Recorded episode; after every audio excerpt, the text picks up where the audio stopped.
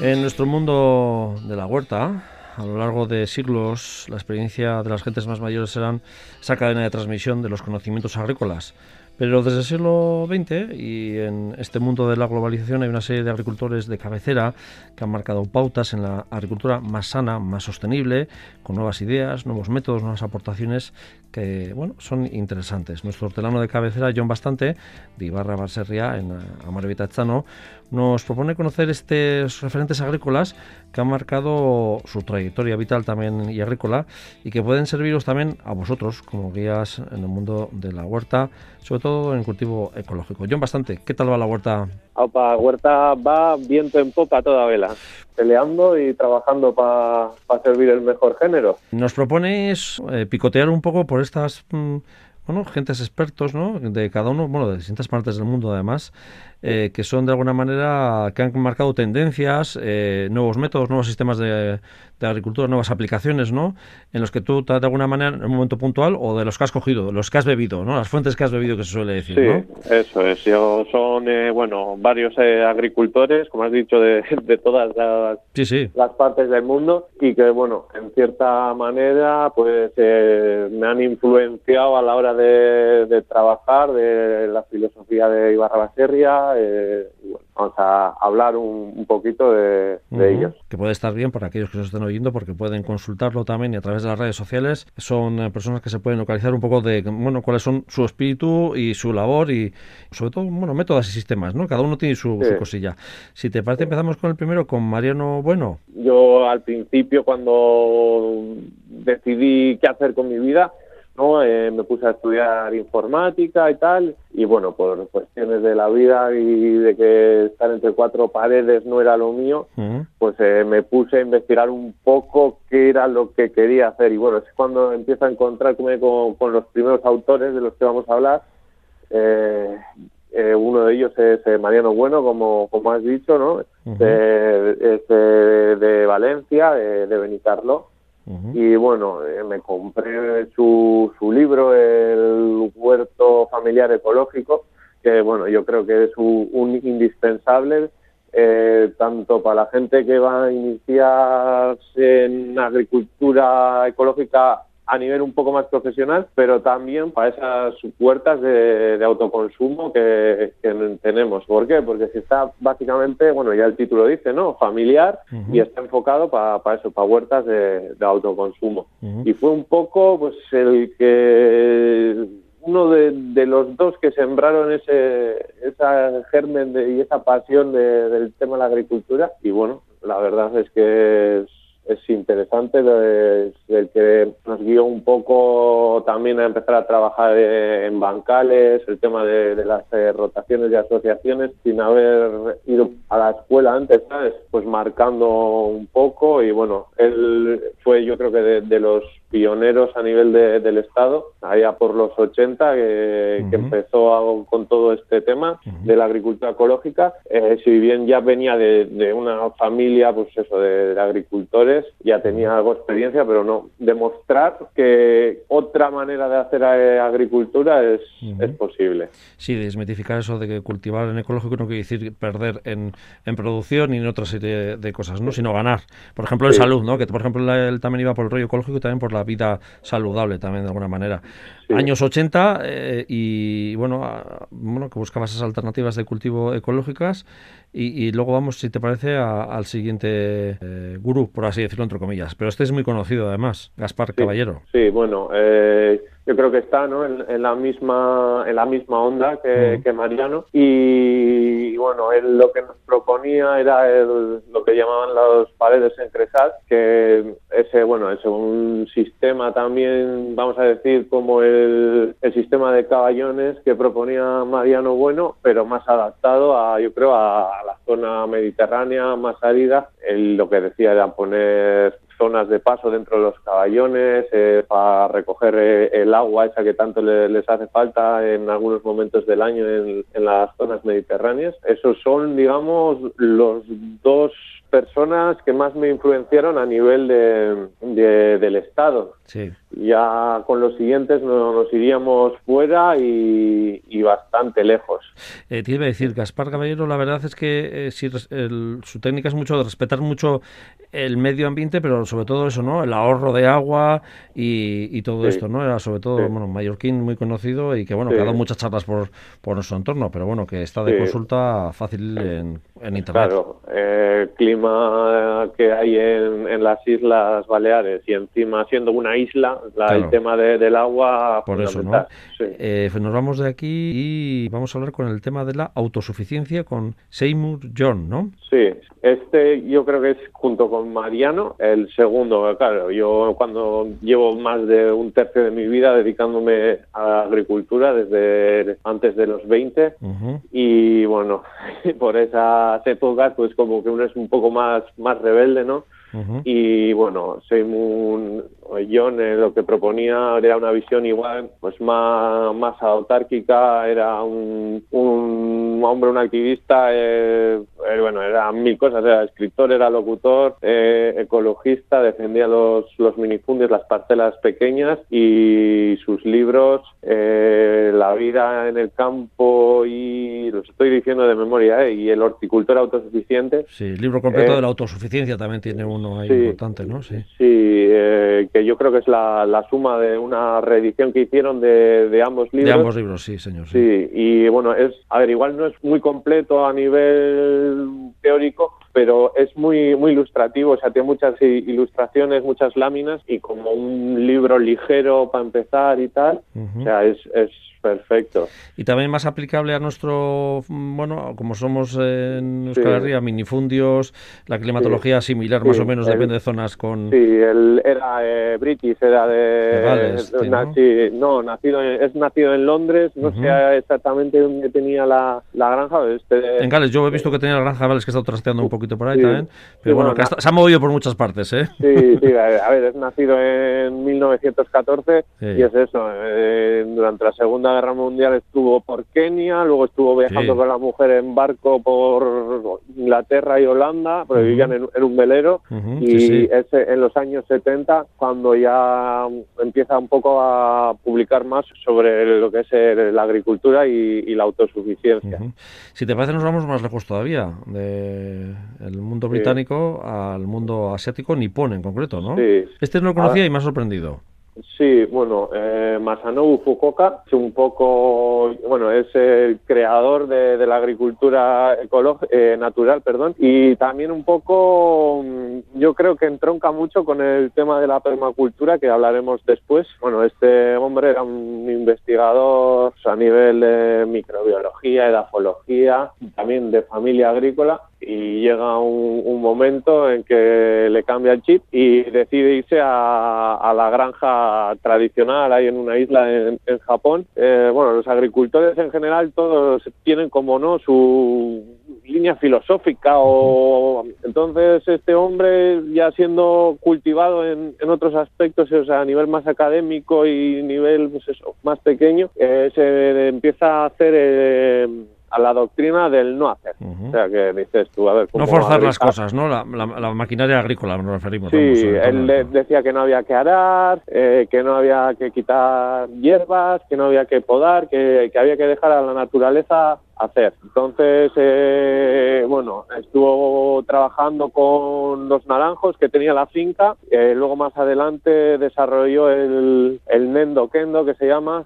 Eh, bolas de arcilla, ¿no? Sí, sí, las bolas de arcilla, bombas de semilla, que ahora se están utilizando mucho para el tema de, la reforestación. Sí, están muy de moda y además también es una práctica que les enseña mucho a los chavales también en talleres, en colonias, así, ¿no? Además, sí, sí, El creador fue el señor Fukuoka y bueno, el lo que hacía era sembrar, eh, en bueno, sembrar en estas bolas, poner eh, una parte de arroz, una parte de cereal, una parte de una leguminosa que solía ser trébol blanco, eh, también solía meter algo de cayena para que los animales no se comiesen estas bolas y la idea era ir esparciéndolas por, por, el campo y las semillas quedaban ahí guardadas hasta que llegaban las, las lluvias las bolas se, se deshacían y eh, se, un poco la, el sistema de sucesiones. Primero salía el trébol blanco, esto protegía a las semillas de, del arroz y bueno, así conseguía las cosechas. Y podemos pensar que esto, pues dices, vaya vaina me estás contando, John, esto es un cuento, lo que sea, pues me parece más eh, difícil de, de, llevar, no sé, pero pues, bueno, pues que tendrá su, su justificación. Punto, o sea, los granos de las plantas de arroz que él conseguía, eh, el gobierno nipón de la época lo, le quiso comprar quiso comprar eh, porque era eran mejor que, que el arroz eh, comercial con el que trabajaban en las explotaciones de allí.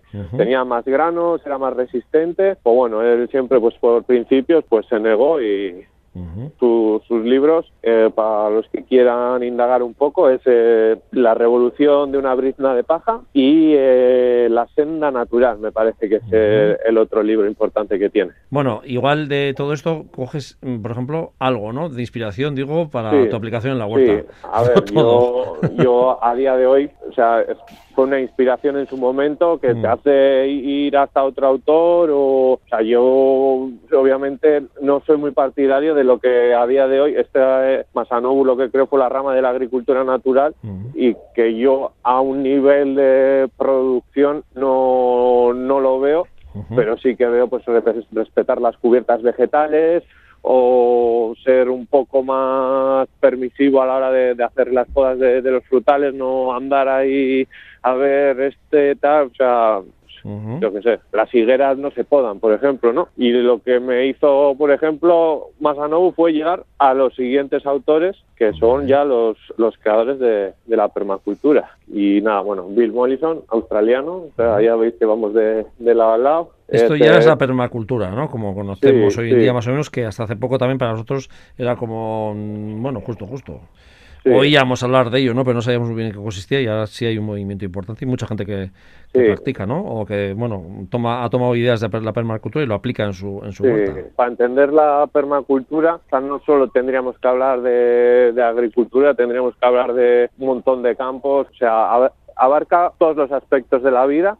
Ellos entienden las fincas como un todo, o sea, es una visión holística. No es pongo aquí un árbol y este árbol me, da tal, sino eh, voy a poner aquí este árbol, va a dar sombra, eh, le vamos a poner al lado, pues no sé, unas leguminosas que le van a dar nitrógeno, o sea, buscar que todo se interrelacione con, todo y copiando un poco los eh, esquemas ecológicos de la naturaleza. Eh, bueno, yo creo que a día de hoy está también como muy idealizada. Eh, igual aquí alguien no le parece bien lo que digo, pero bueno, esta es una opinión personal. Yo, yo creo que no hay, no sé, fincas a nivel comercio, comercial potentes a nivel del Estado, pues funcionan yo creo más eh, a nivel particular o al final también lo que van buscando no es la autosuficiencia, Muchas veces tiran de, de plantas y de fuera y no sé, no, no terminan de, de funcionar, aunque luego ya al final hablaremos de, de otro autor más moderno, que, que yo creo que sí lo, ha conseguido.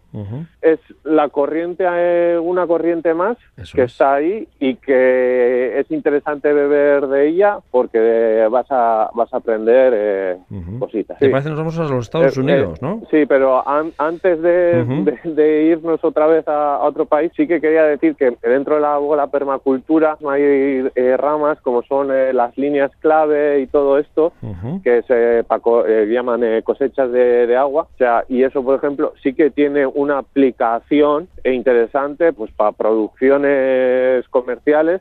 O sea, pero es, ya lo que decía, una parte que puedes coger y aplicar, pero no, un todo, o los manejos de, los pastos o el tema de, la silvicultura, pero un, todo es muy complicado. Más complicado, ¿no? Sí, sí. y ahora nos vamos a América, concretamente a, la zona de, Canadá, y eh, vamos a hablar eh, primero de Curtis Stone, es un agricultor urbano porque trabaja o empezó en lo que se llama... Backyard garden, el patio trasero de, de las casas, bueno, es eso, estilo americano. Y o sea que estamos hablando pues yo qué sé mil metros mil pocos metros cuadrados. Y eh, con un sistema de, de, producción a base de mezclums eh, plantas de ciclo corto y tal se ha conseguido convertirse en uno de los mayores, este sí, yo diría gurús eh, de este tipo de, agricultura. Reparte en bicicleta, hace mucha venta a cocineros, chefs, eh, hacen lo que se llaman eh, eh, los mercados de agricultores, o sea, son mercados exclusivos para agricultores y productores. un concepto distinto igual porque no han tenido, ¿no? Sí. Y bueno, eh, eh, su, su sistema, el tema de pues eh, rotaciones de hasta cuatro especies por, por, bancal, pues son ciclos de cultivo de hasta dos meses y bueno, yo creo que este es el paso de, de la permacultura que, también puede ser la permacultura, puede ser urbana, hacia eh, la agricultura regenerativa y, biointensiva, que es lo que ya van proponiendo los siguientes autores, como es eh, eh, Jean-Martin Fortier, que para mí es el, que más me, ha inspirado de todos, que también es, es de, Canadá, de Quebec. bueno, tiene, tiene un libro también. Es bastante sencillo, pero bueno, bastante ilustrativo, te da bastantes consejillos, es bastante aplicable también a, huertos domésticos y de autoconsumo. Lo que ya habla eh, Fortier es de gestión, planificación, herramientas específicas y bueno, nosotros a nuestra manera hemos querido eh, pues parecernos un poco. Sí, me suena un poco, ¿eh? El hilo conductor me suena a lo que habitualmente solemos hablar aquí en esta sección contigo. Eh, el libro creo es El jardinero horticultor, manual para cultivar con éxito pequeñas huertas biointensivas, ¿no? Es, es, la traducción literal. Literal, sí, eh, eso. ahora que hicieron el año pasado, me parece la, la traducción eh, no recuerdo cuál es el título, en inglés es de Market Gardener, sería jardinero comercial, otro, otro, concepto. Y bueno, eh, es lo que intentamos hacer nosotros, adaptado. Hay productos que aquí no habría, tendrían venta, como pueden ser los rabanitos. Se vende 10 manojos en un mercado, en una feria, y ya son muchos. Y estos, como vienen de tradición francesa, pues obviamente pueden vender 100 manojos. Eh, bueno, Fortier empezó pues dando vueltas por todo el mundo, de granja en granja, eh, hizo con su mujer el proyecto de, de la Que también que sigue operativo y ahora eh, maneja eh, la, el Fer du 4 Temps, no sé hablar francés, pero bueno, me imagino que sería así, ¿no? los jardins que suelen decir, ¿no? Esos, los jardins que suelen... Sí, y, y, lo que es ha sido un poco una especie de finca experimental, vamos a decir, pero que a su vez eh, o sea, es rentable. Estamos hablando de que igual de dos hectáreas, que es eh, los minifundios que tenemos aquí, entre una y dos hectáreas están trabajando mucha gente. O sea, estaríamos hablando de seis personas fijas y en momentos puntuales, pues, pues 12 tal. Es un poco en lo que me he basado y, eso, pero siempre adaptando. O sea, yo ahora estoy vendiendo calabacín porque me he basado mucho en lo que decían ellos para, claro, Canadá, imagínate el frío que hace ahí. las, las, mantas térmicas, el control de los invernaderos, eh, un poco lo que lo que hace él podemos aplicarlo y, adaptarlo. Adaptarlo a nuestra situación y prueba y error también, evidentemente, ¿no? Probar obviamente. La verdad es que estos últimos que nos estás contando son, mm, bueno, como eh, la evolución de los primeros eh, que, nos has comentado, ¿no? Un poco adaptándose a las nuevas situaciones, a las nuevas, cada uno aplicando su, su método, ¿no? Sí, y bueno, yo creo que desde eso hemos empezado hablando de Curtis, a Fortier, yo creo que es la, la nueva ola, vamos a decir, o la nueva, la nueva corriente de agricultora que, que, está apareciendo ahora, que yo creo que sobre todo para Vizcaya y Guipúzcoa, que somos eh, productores hortícolas y tal, eh, es muy interesante, eh, pues eso, son terrenos pequeños, van a sacar lo máximo en, en el menor espacio posible y, yo creo que es interesante y que es un poco a lo que tendríamos que, tirar. Por bueno, si a alguien le interesa también tienen por ahí una serie que es de, su granja y bueno, se ve como tiran también de diseñadores de permacultura, pues para hacer eh, bandas florales, eh, perennes, eh, atraer aves y murciélagos, tienen bioestanques, o sea, que, que cuidan el entorno, o sea, y y que, es un, sistema que muy mimado. Y lo demás ir aplicándolo, ¿no? Sí, pero, bueno, si tienes una, una parcela en, en, la ciudad pequeña, mira un poco igual, ¿no? El primer autor de Curtis Stone, ¿no? Pues igual, pues eso, con el tema de, de ensaladas y tal, le puedes sacar mucho más partido y también aprendes pues que yo que sé que igual no te interesa plantar no sé cosas de ciclo muy largo pues porque no no le vas a sacar tiempo. Tiempo. Bien bien bueno, pues algunas de las cosas, sobre todo estas últimas, las hemos visto de Jean-Martin Forter, las hemos visto a través de esta sección que solemos realizar contigo, John, bastante.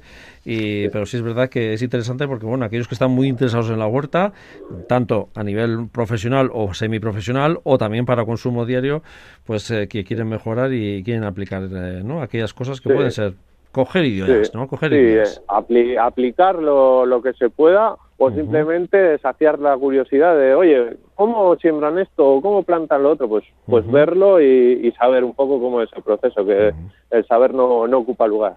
Quería comentar que, bueno, ya sabemos que, que desde, bueno, eh, algunas entidades y tal están impulsando pues eh, la investigación y la aplicación de estos modelos, pero eh, que sería realmente interesante, pues que, no sé, que a nivel de diputación, de institutos de investigación agraria o, tal, que se pondrían en contacto con todos los necasaris y agricultores que tenemos por aquí para abrir más este, este tipo de, producción y, y liberar bueno nuestras cargas de, trabajo. Ahí quedó. Bueno, John, bastante. Eh, que pueden seguir tu vuestra labor a través de Instagram y barra basería y de Facebook también, pero más principalmente Instagram. Lo, lo alimentáis más que Instagram, ¿no?